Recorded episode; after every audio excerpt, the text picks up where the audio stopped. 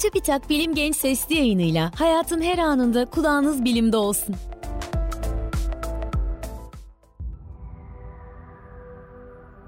Uzaya ve bilime meraklı dostlar merhaba. TÜBİTAK Bilim Genç Sesli yayınının bu bölümünde insanlığın ilk kez gerçekleştirdiği gezegen savunma testi olan DART projesinden ve bu projenin öneminden bahsedeceğim. Double Asteroid Redirection Test veya kısa adıyla DART, 24 Kasım 2021 tarihinde hedefindeki Didymos isimli çift asteroid sistemine gitmek üzere uzaya fırlatıldı. 27 Eylül 2022 tarihinin ilk saatlerinde yaklaşık saat 2 yöresinde uzay aracı asteroidlerden birine çarptırıldı.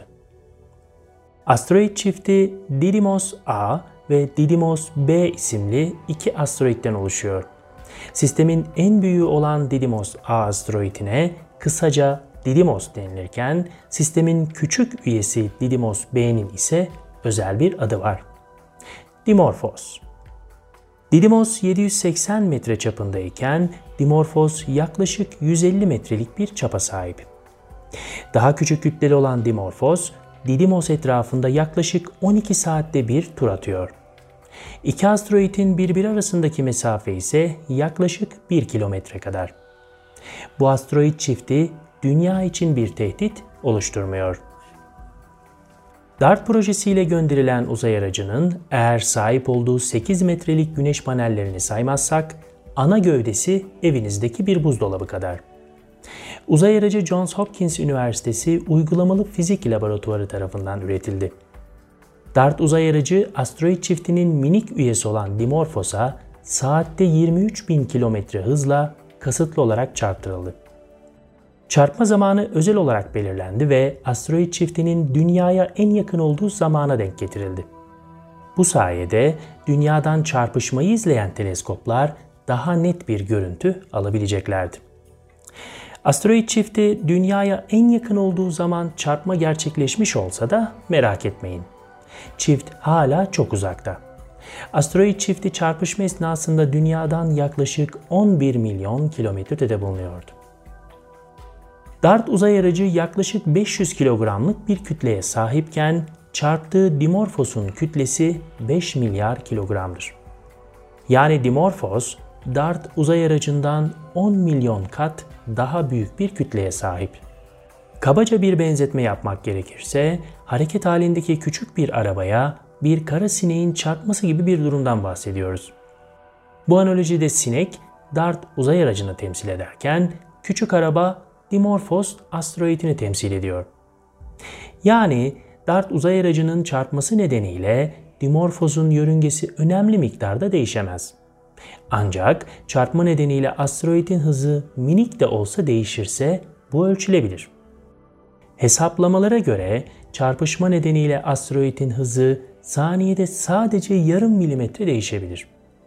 İşte projede amaçlanan şey bu derece minik bir değişimi ölçebilmek. Çarpmanın açısı öyle bir şekilde ayarlanmış ki çarpma sonrası Dimorphos'un yörünge hızı biraz artsın ve Didymos'a biraz daha yaklaşabilsin. Ancak burada bahsettiğim yaklaşma miktarı çok ama çok küçük. Talihsiz sineği ve arabayı hatırlayın. DART uzay aracının ana hedefi asteroide çarpmak olsa da beraberinde götürdüğü bir teknolojiyi de test ediyordu. İyon itki sistemine sahip bir motor. Standart roket motorlarında itki sağlamak için yakıt olarak hidrojen kullanılırken iyon motorları bir çeşit elektrikli itki sistemine sahiptir. Diğer yandan DART uzay aracının üzerinde bir de minik CubeSat uzay aracı bulunuyordu. Bu araç çarpışmaya 2 hafta kala DART uzay aracını terk etti ve belli bir mesafeden çarpışmayı izleyerek veriler elde etti. DART uzay aracının hedefini tam ortadan vurabilmesi için uzun bir süre üzerinde çalışılan özel olarak geliştirilmiş bir otonom optik navigasyon sistemi kullanıldı. Bu sistem sayesinde uzay aracı asteroid çiftine yaklaşırken hangisinin büyük, hangisinin küçük asteroid olduğunu ayırt edebiliyordu. Sürekli yörünge düzeltmesi yaparak hedefine ilerleyen DART, tüm bu yörünge düzeltmelerini çarpışmaya sadece bir saat kala yaptı. Ve nihayetinde hedefi tam ortadan vurdu. Bu başarının zorluğunu daha net açıklayabilmek için şöyle bir örnek vereyim. DART uzay aracının 11 milyon kilometre ötedeki 150 metrelik bir cisme isabet etmesi bir çakıl taşı ile 16 bin kilometre ötedeki bir futbol topuna isabet etmek gibi bir şeydir. Böyle bir başarı bilim ve mühendisliğin birleştiği muhteşem bir çalışmayı gerektirir. İşte DART bu derece başarılı bir projeydi. Çarpışma görüntülerini incelediğinizde çarpışma esnasında Dimorphos'un parlaklığının arttığını ve devasa bir toz katmanının çarpışma sonrası uzaya savrulduğunu görüyorsunuz. Bu da çarpışmanın başarılı olduğunu kanıtlıyor. Çarpışma anı uzaydaki Hubble ve James Webb teleskopları ile gözlendi. Yeryüzeyindeki bazı gözlem evleri de çarpışma anını görüntülemeyi başardı. Bu gözlem evlerinden biri de Antalya'da bulunan TÜBİTAK Ulusal Gözlemevi'ydi. Elde edilen görüntüler çarpışma anını o kadar iyi gösteriyordu ki proje yürütücüsü NASA ulusal gözlemevimizle iletişime geçip Dimorphos'u 10 gün daha gözlemelerini talep etti.